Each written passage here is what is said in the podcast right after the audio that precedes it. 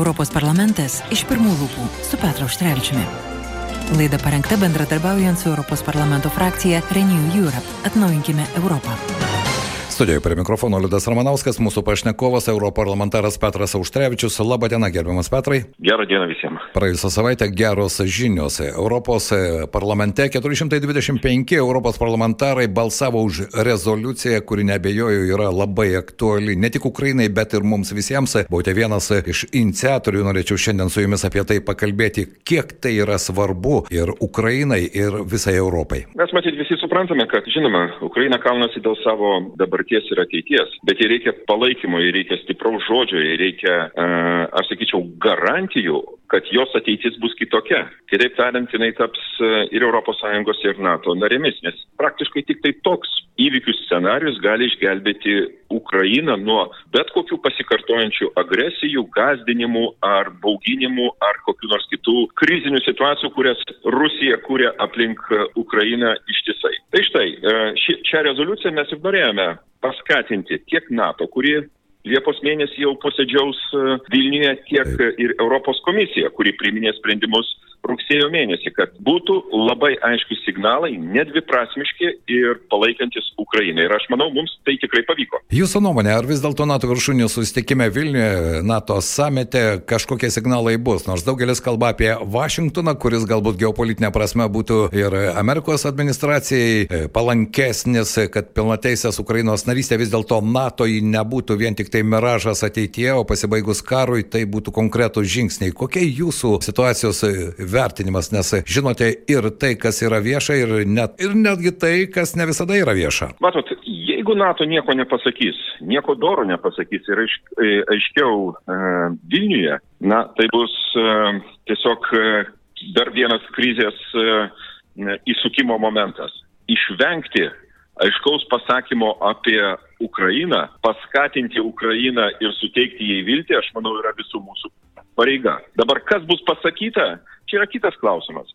Ar bus pasakyta apie e, narystės e, dėrybų e, NATO pradžią pasibaigus karui, ar bus kalbama apie kažkokį tai veiksmų planą, kuris galėtų priartinti Ukrainą dar daugiau. Ar bus kalbama apie saugumo garantijas, kurios yra reikalingos jau dabar Taip. Ukrainai, kitaip sakant, mūsų įsipareigojimas padėti Ukrainai ir toliau.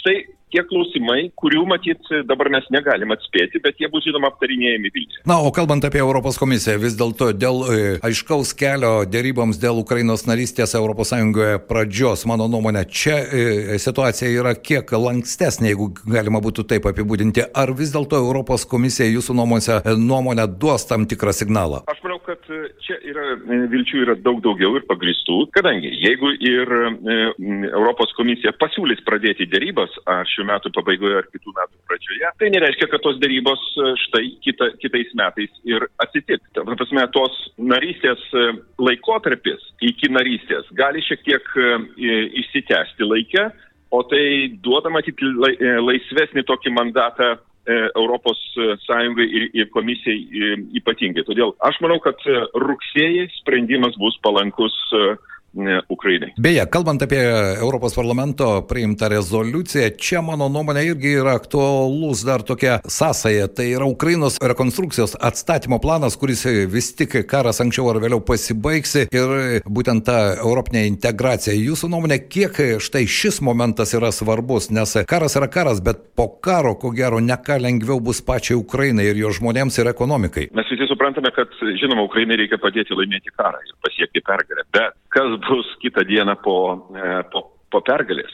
Atsikurti Ukrainai savaime nėra jokių vilčių, nes Ukrainos ekonomika, infrastruktūra, pavieniai e, privatus ūkiai patyrė tiek nuostolių.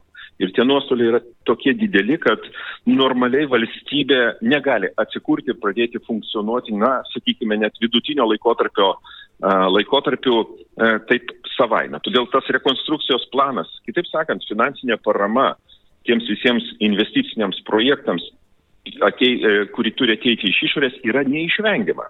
Ir dabar mes kalbame iš esmės ir dėliojame, štai šią savaitę Londone bus dar viena rekonstrukcijos ir reformų konferencija labai rimta konferencija. Mes kalbame, kokiomis sąlygomis, ką turi padaryti Ukraina, ko gali tikėtis e, iš, iš išvas ir kaip turi organizuotis vakarai.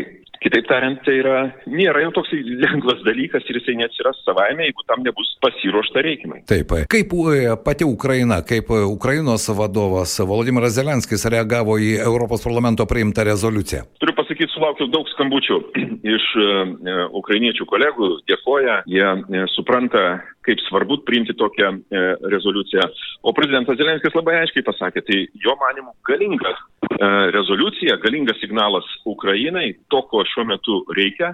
Ir mes kaip politikai tą tai, taip pat puikiai suprantame, nes kitų atveju, kitų atveju mes negalėsime padėti Ukrainai, jeigu mes nesiūsime šitos signalus jau dabar. Vienas dalykas - patvirtinti sprendimą, kai, jisai, kai bus tam laikas, bet kalbėti su partneriais, indikuoti ir nurodyti, kokiu e, keliu mes einame ir ko galima tikėtis, aš manau, kad tai yra mūsų pareiga. Todėl aš manau, kad abiejose pusėse, tiek Briuselėje, tiek ir Kijeve, Kijeve šis, e, ši rezoliucija buvo priimta labai palankiai. E, Petro, negaliu jūsų nepaklausti, vis dėlto rezoliucija už balsavo 425 Europos parlamento nariai. Kas balsavo prieš? Vis dėlto, ko gero, tai irgi yra labai svarbu ir mano nuomonė, tokie balsavimai atskleidžia tą tikrąjį ir valstybių, kurias atstovauja vieni ar kiti europarlamentarai ir tam tikrų politinių jėgų nusiteikimą ir dabartinės situacijos matymą. Būtent taip. Ir iš tiesų vėlgi, kaip visada e, rezoliucijomis, kuriomis mes palaikome Ukrainą.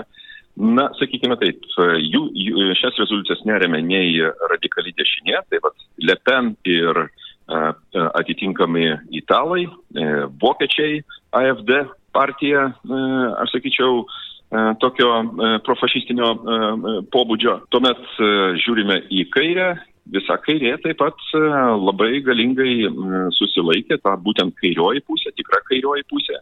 Kai kas iš e, socialdemokratų nebalsavo e, už šitą rezoliuciją. Susilaikymų būtų šį kartą daug.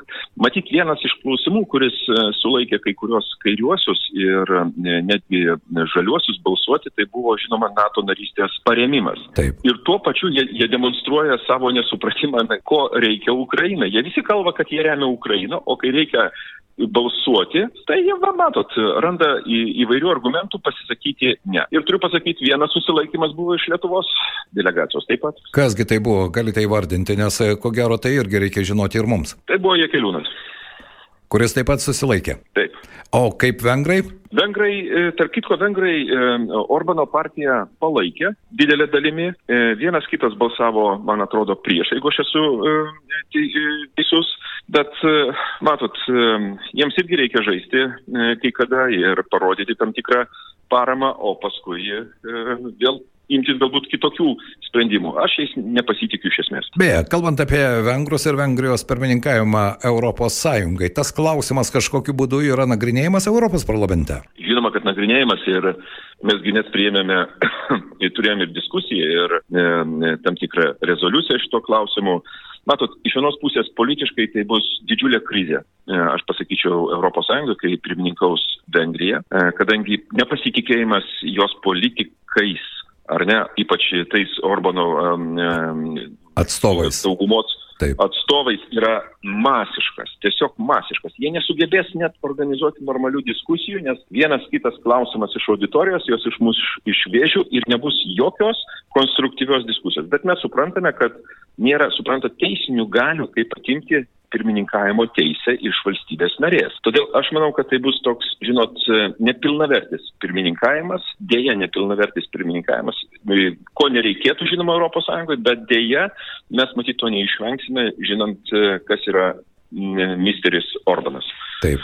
Na ir e, apie konkrečius dalykus. E, Ukrainos paaugliai, kankinimai elektrošokų, jūsų inicijuojama irgi rezoliucija, nes tai yra, tai yra kasdienybė ir ji yra žiauri ir kraupi. E, kiek tai iš tikrųjų veikia tuos pačius Europos parlamento narius, kiek jie tai supranta? Turiu pasakyti, kad šitos rezoliucijos dėl dviejų e, nepilnamečių, Ukrainos nepilnamečių e, iš, iš e, pietinės Ukrainos atveju buvo geras balsavimo rezultatas, matyt, vienai par kitaip daugiau supranta, bet buvo tokių, kurie irgi, matot, ir susilaikė ir balsavo prieš. Kitaip tariant, nepilname, nepilnamečių teisės ir naudojami kankinimai prieš juos netgi tiems politikams nėra argumentas. Tai, žinot, po tokio balsavimo, e, nu tikrai, e, nei ranka iš mano pusės bus ištiesta, nei jų atžvilgių, nei gero žodžio jie iškirs. Jie yra, tiesą sakant, tarnaujantis tikrai e, ne gėrio jėgoms,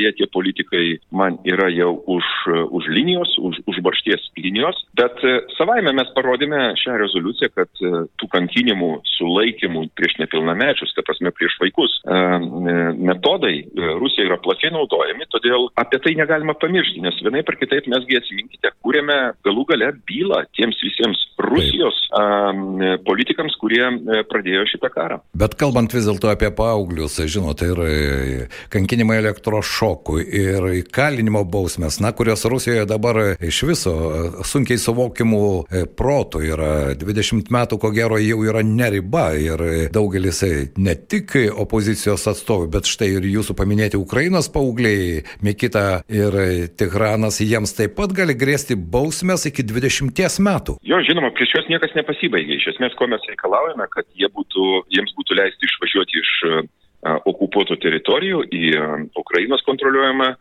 Ukrainos kontroliuojamą dalį, nes jie yra tik paleisti šiuo metu, bylos prieš juos tęsiamos, niekas nepasibaigė, mes žinome, kaip tie represiniai organai veikia, jie tikrai jau nepaleidžia žmogaus iš savo gniauštų.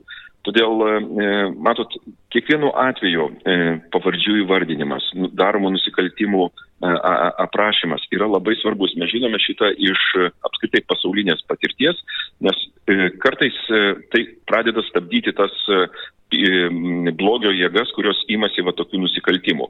Todėl mums buvo labai svarbu įvardinti ir mes žinome, tikimės ir linkime, kad ir Tigranas, ir, ir, ir jo draugas kuo greičiau paliktų okupuotas teritorijas ir pajustų laisvę. Na ir be jokios abejonės, Petrai, mūsų pokalbio pabaigoje dabartinė situacija, tos žvalgomosios kontropolimo operacijos, kurios vyksta Ukrainoje, visi su nekantrumu laukia, bet nebejoju, kad turite daug kontaktų su ukrainiečiais. Kaip jūs galėtumėte įvertinti dabartinę situaciją Ukrainoje? Aš jaučiu iš visų žodžių ir iš visų pasakymų, kuriuos girdžiu iš savo kolegų Ukrainoje, kad jie kontroliuoja situaciją. Jiems nėra tas pats, kaip vykdomas polimas, jie skaičiuoja žmonių gyvybės, jie nenori, e, kaip sakyti, to per viršinių e, žučių ir panašiai, todėl jie viską daro apgalvotai, bet jie netisako savo tikslo - išlaisvinti Ukrainą nuo okupantų. Todėl aš manau, tai yra laiko klausimas, kada mes girdėsime apie smarkesnį ar e, kitą polimą Todėl, matyt, pagrindinės naujienos dar mūsų laukia ateityje. Taigi, šiandien noriu padėkoti už jūsų nuomonės ir už jūsų informaciją. Petras Auštrevičius, Europos parlamento narys, buvo mūsų rubrikos svečias. Ačiū Jums. Ačiū Jums ir visiems geros savaitės. Europos parlamentas iš pirmų lūpų su Petru Auštrevičiumi. Laida parengta bendradarbiaujant su Europos parlamento frakcija Renew Europe. Atnaujinkime Europą.